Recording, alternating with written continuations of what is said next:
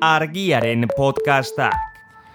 Eskuineko beso altxatzea modan jarri da berriz, kameren aurrean behintzat Madrilgo kaleetan azaroko gauetan, batere lotxarik gabe gainera, besoa altxatzen zuten batzuk ez dakigu nora, zer seinalatzen hariko ziren, ibedrola dorrea izango zen akaso, horra hor gure lagunak edo egingo zuten oiu, Berrogeita sortzi urte pasatu dira, Franco bere oean, goxo-goxo hiltzenetik, baina askotan esaten da frankismoak bizi-bizirik jarraitzen duela. Parlamentuetan kamaleoi batzuk badaude, baina Euskal Herrian eta Bilbon gora begira jarrita e, lepoko mina ez ezik, bihotzeko mina apur bat ere ematen du bedrolari begiratzeak, ez erresanik ez e, erretziboa jasotzean, eta min horrek eraginda edo berriz ere jeitsi dira eskuineko besoak jakizu zergatik, baina hor dirau erentziak, hor dirau harriak, beti bezain egonkor eta beti bezain presente. Gaurko mintzagaia, frankismoaren alde enpresariala, espoliazio frankista, euskal oligarkiaren erroak eta jakina, frankismoaren ondorengo diren IBEX hogeita mabosteko zimentuak. Kaixo, gorka peñagarikano naiz eta hau larrun podcasta da. Hilero, argiarekin banatzen den larrun aldizkariari, ahotsa jarriko diogu.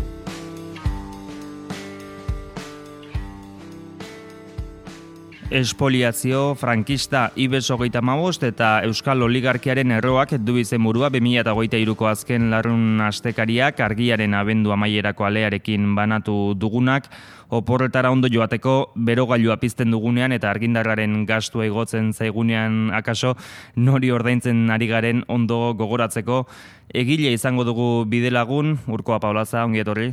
Bai, kaixo, gorka. Frankismoko zapalkuntza jasantzutenek argi zioten euskera hiltzekotan ere autopsiarako frogoak kutzita hilko zela, euskarak oraindik bizirik dirau, euskarafobiak ere bai, frankismo garaiko gurutze erraldoiak e, zer esanik ez, kaleen izendegiak, e, justizia uzitegien jardun bidetan ere bistakoa da, errelebo kontuak eta nola ematen diren, Eta erreportajeari ekiteko zeukape aipatzen duzu erentzia frankista besteak baino ezkutuago igaro zaigula elite ekonomikoan.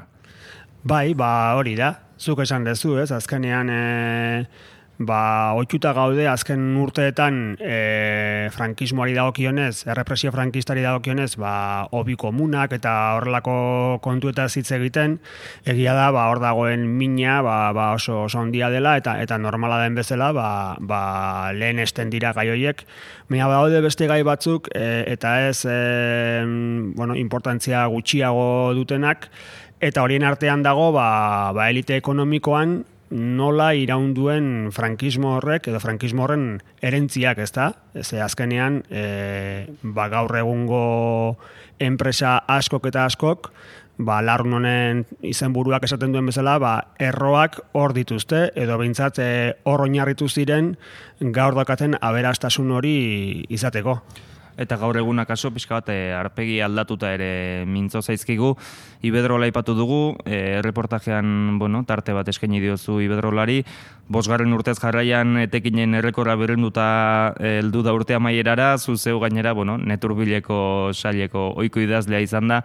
Pixka bat kitzikatuko zaitu e, azken urte hauetan bandera berdea nola jantzi duen ekologismoaren izena e, jasangarritasuna Bai, egia esan da, Iberdrola nahiko simbolikoa da gai honetarako. Bai, e, greenwashinga deitzen diogun horretarako, eta baita ere, ba, frankismoaren erentziari buruz ba, egiterakoan, ez?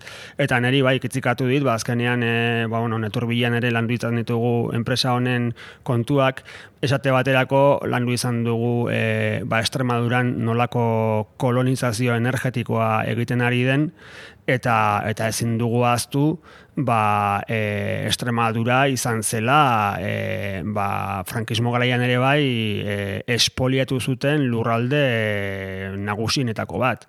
Orduan, ba, bueno, pixka bat e, ibedrolak badaka hor e, bueno, neko giltzarria da egia esan da. Bueno, tamaina horretako enpresa gureok askotan hainbat gako ematen dituzte, atzetik, e, bueno, eta hause da hoietako bat, Ignacio Sánchez Galan entzungo dugu ibedrolako burua, I, I, I always said coherence between uh, uh, targets and policies.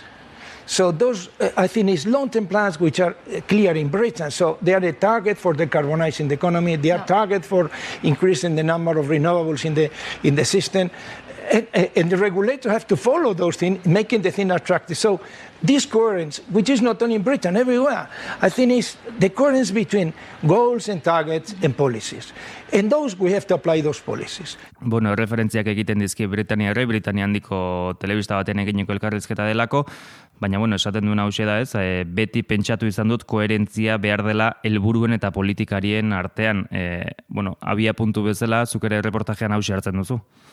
Bai, hori da, ez? E, ba, nahiko berak esaten duena nahiko adirazgarria da, e, berak aipatzen dio kazetariari esaten du bera horren arabera funtzionatzen dula eta nik esango nuke horren arabera funtzionatzen duela gaur egungo patronalaren gehiengoak, ez? Hau da, e, koherentzia helburuen eta politikarien artean baina zeinen helburuak, ez? Azkenean haien helburuak, ez? Orduan, eh, haien helburuak lortzeko egiten dira politikak, egiten dira hartzen dira neurriak eta bar, neurri politikoak.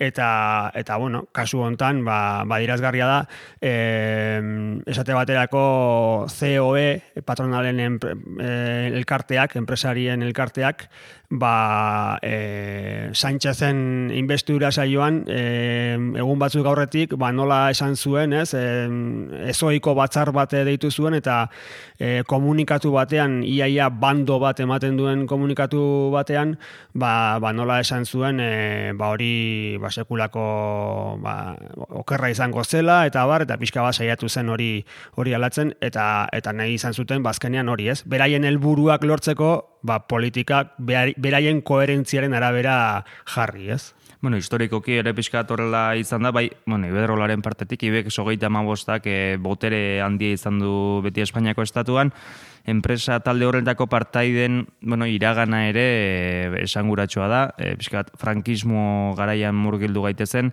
e, bueno, ez dakit, e, alako loturak edo azaltzerik izango zenituzken? Bai, ari gara ibedrolaz, baina IBEX hogeita ma bostean dauden beste enpresa asko eta asko badituzte lotura lotura asko frankismoarekin eta eta ba, orain dela berrogei urte edo irurogei irurogeita mar urte gertatutakoarekin, ez? Hor dakagu BBVA, ez? E, Banko Bilbao eta Banko Bizkaia zirena, eta eta bueno, hor esan beharrik ez dago, ba hor e, agintean zeuden oligarka asko eta askok, ba nola besarkatu zuten e, dagoita maseiko kolpea, e, beso zabalik hartu zuten, eta hor daude abizen pila bat, ez? Ba, deklo, edo kareaga, edo dana dalakoak, ez? Edo ibarra, edo Em, gero beste enpresa batzuk ere badaude, ba, hor dakagu Repsol adibidez, eta Repsolen atzean ezin dugu aztu dagoela em, jatorrian Institut, Instituto Nacional de Energia eta KAMSA ere bai, ez? Eta, eta bueno, bizka bate Frankoren autarkiaren garaian, ba, monopolioaren eltzetik, ba, nola, nola zurrupatu zuten, ez da? Eta, eta bueno, baude enpresa gehiago ere bai, ez? E, ferrobia laipatu dezakegu, e, garai bateko agroman e, erosi zuena, eta agroman horren atzean dakagu Jose Maria Agirre, e, ba, bueno, donostiar honek, e, mila dagoita seiko altxamenduaren zerbitzura jarri zuen bere, bere enpresa, eta, eta bueno, e, agromanek e, ezin dugu aztu ere, ba, erorien aranean, arena arekitzeko presoak erabili zituela besteak beste, ez? E, eta Jose Maria Agirre hau e, gorte frankistetako prokuradore izan zela. Hori da gauza bat beti gertatzen zaiguna. E, ba, nola baite daude e, enpresari, enpresari bezala, baina baita ere e, frankismoaren garaian sartzen dira ba, ministro, prokuradore, hor lotura oso estuak daude. Eta badaude enpresa gehiago, ArcelorMittal, bueno, badaude gehiago. Lotura puntu askotan dator, e, gerra garaitik, oita masiko gerra finantzatu zuten batzuk, ornitu ere bai, aipatzen duzune reportajean, e, jakina kolpisten aldean e, kokatuta. Bai, bai, lehen aipatu dugu Ibedrola eta eta Ibedrolaren jatorrian dago Jose Maria Oriol Uriguen e, izeneko bilbotar bat, berak e, sortu zuen hidroelektrika espainola, e, hidrola deitzen duguna, azkenean e, Ibedrolaren arbasoa dena, eta berak e, jakina da eta eta toki askotan e, idatzita dago hori, ba nola pleitatu zuen e, itxasontzi bat armaz josita ba, amar mila eskuzko, eskuzko granada, 6.000 fusil, eunda berrogeita marra metraia adore, milioika kartutxo, hori dana, e, mila batzen dagoita masaiko ustaiaren emezortziko militar altxatuentzako. Hmm. Beraz, pentsatzen dut, e, hori babesteagatik eta, eta bueno, e, Frank hori babes handi hori emateagatik, gero alako ordain sariren bat edo jasoko zutela, bueno, favoretxoak e, frankismo garaian. Bai, noski, e, ibedrolak berak, e, bueno, hidrolak berak, e, amabi urtetan, e, Franki, gerra ostean, amabi urtetan, hogei aldiz biderkatu zuen, bere, bere aktiboak hogei aldiz e, biderkatu zituen, hain justu, ba, privilegiozko tratu bat zuelako Frankorekin, ez? E, Frankoren ondoan hartzen zituen erabakiak e, Jose Maria Oriol Iurkijok, bere Oriol Iuriguenen semeak, e, urte luzetan e, hidrolako konpainiaren presidente izan dakoak, eta eta bueno, privilegio horiek eh, noski noski zituztela. Hmm. Izen batzuk dagoeneko aipatu ditugu, besteren bat, bueno, e, Nafarroa garaitik e, pixka bat tirata, la carretilla barazki kontserbak, e, bueno, badago, la historio nahiko kuriosoa eta eta nahiko ez ezaguna ere, bai. Bai, e, egia da, gaur egun ezaguna zaizkigun marka asko, ez, ba, ba guri, ba, bueno, e, publizitate bidez, eta, eta supermerkatuetan ikusita, eta bar, ez, e, ba, gero, atzean, azten zara pixka bat alakatzen beraien historia, eta ikusten duzu, atzean ze nolako ibilbidea dagoen, ez, eta lakarretila ipatu duzu, eta hor dago e, Angel Magallon e, San Adriango Marquesaren irudia, ez, e, bueno, beak, Monteagudo herriko herriberako herriko e, jabea zen, e, iaia jabe feudal bat, ez?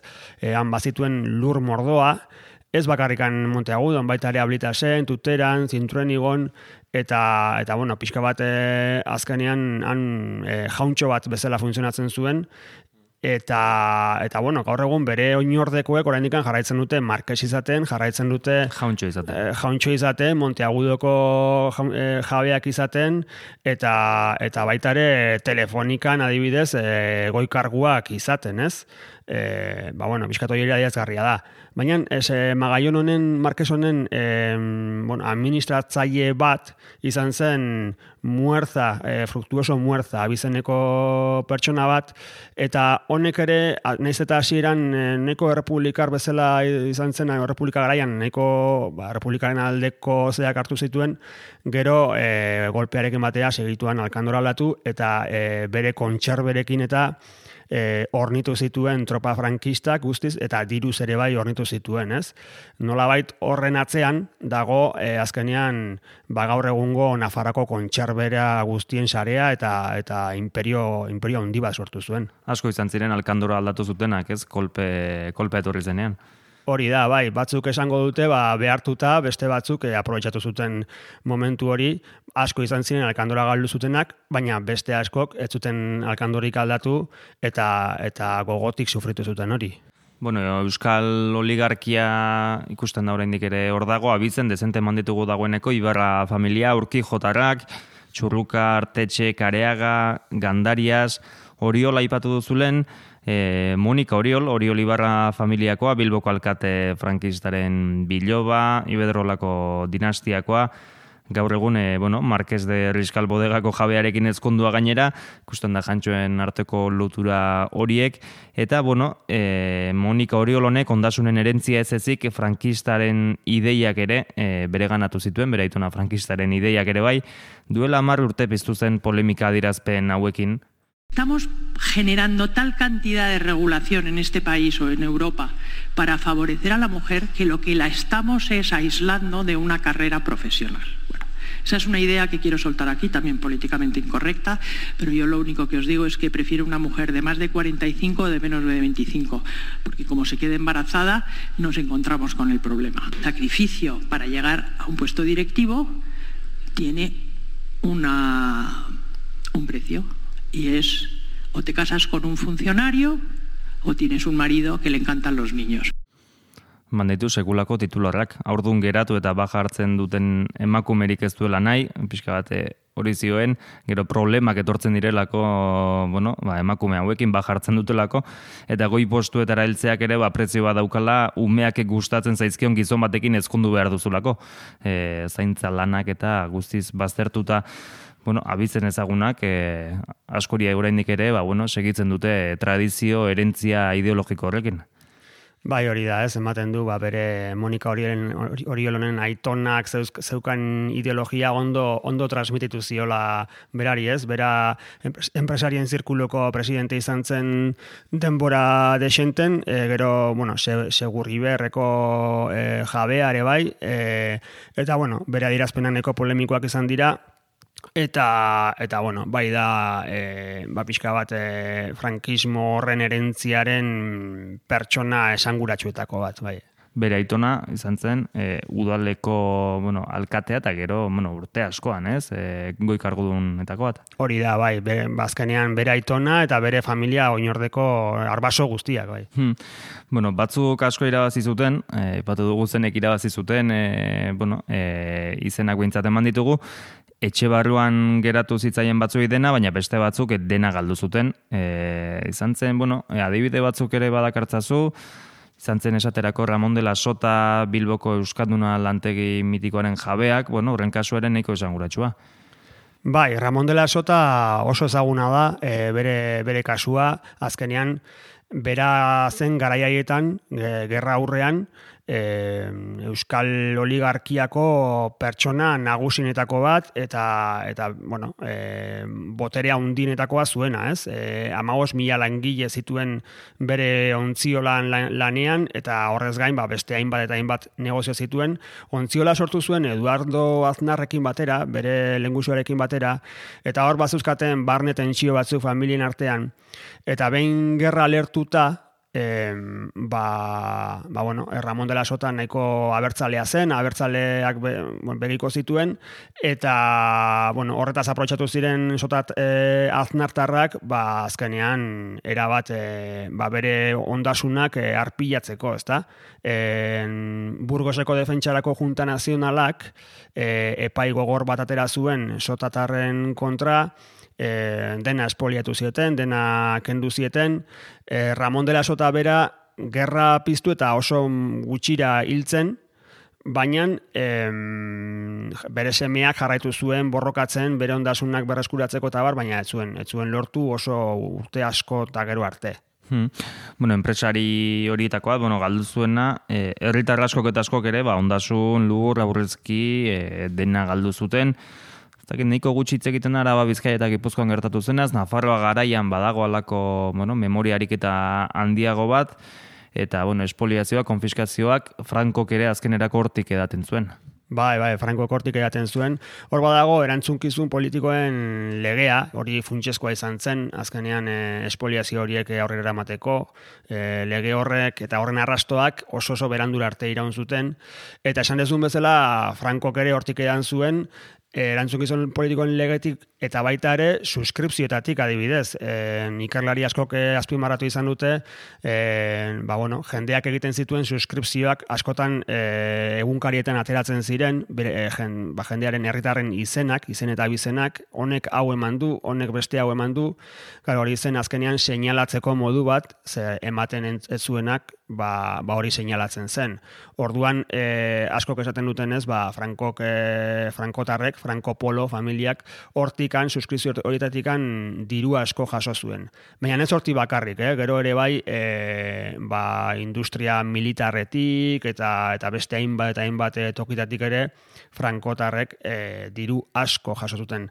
E, zenbaite kalkulatzen dute lareun milioi euro, gaur egungo lareun milioi euro izan daitezkela. Hmm, ba, diru mordoa, ondasu mordoa, e, gerra galtzen dutenek soilik eskatu dute barkamena eskatzekotan ere, eta, bueno, irabazi zutenak, ondasun eta lur horiek espoliatu zituzten familiak gure artean bizi ditugu, e, oraindik ere segitzen dute pixka bate jauntxo lan horriei eusten, ez da espero barkamenik eta are gutxiago ondasun horiek itzultzerik. Ez da espero, ez da espero, eta eta egia esan da, beste lurralde batzutan egin izan da, Alemanian kasu, ez, naziekin, ba, naziekin kolaboratu zuten enpresa handiek egin izan dute alako ariketaren bat, naiz eta e, Alemaniako desnazifikazio prozesua nahiko mitifikatuta dakagun ere, eh? Mhm. Baina e, ba, Euskal Herrian eta Espainiako estatuan e, horrelako horik ez da egin inundik ere. Ez barkamenik, eta, bueno, gero justizia deitu altzaion hori lurrak itzultzea, zango litzateken hori gare gutxiago. Are gutxiago, nik uste dut kontrara ari direla, ari direla oraindik ere, frankismoan ere zen edo em, eraiki zen sistema ekonomiko hortatikan ondo edaten. Ba, bueno, hemen utziko dugu, e, urkoa paolatzak ideatzitako larrunari buruzko saioa, espoliazio frankista, ibeso geita magosta eta euskal oligarkiaren erroak deiturikoa, informazio gehiago nahi duena, jakina, e, gehiago sakondu nahi badu norbaitek, oi bezala euskuragarri dauka larruna, argiaren webunean, Bueno, urko ba, eskerrik asko azalpen hauen gatik. Ba, mi esker zuri. Eta eskerrak ere realizazio lanetan bide lagun izan dugun manes moren hori, beraz, e, ondo amaitu urtea eta hobeto hasi, datorrena. Hori da. Argiaren podcastak. Podcast hau libre eta doan zabaldezakegu argiaren komunitatea osatzen duten milaka lagunek proiektua diruz babesten dutelako. Zuk ere kazetaritza independentea babestu nahi baduzu egin argiako kide. Argia, txikitik eragiten.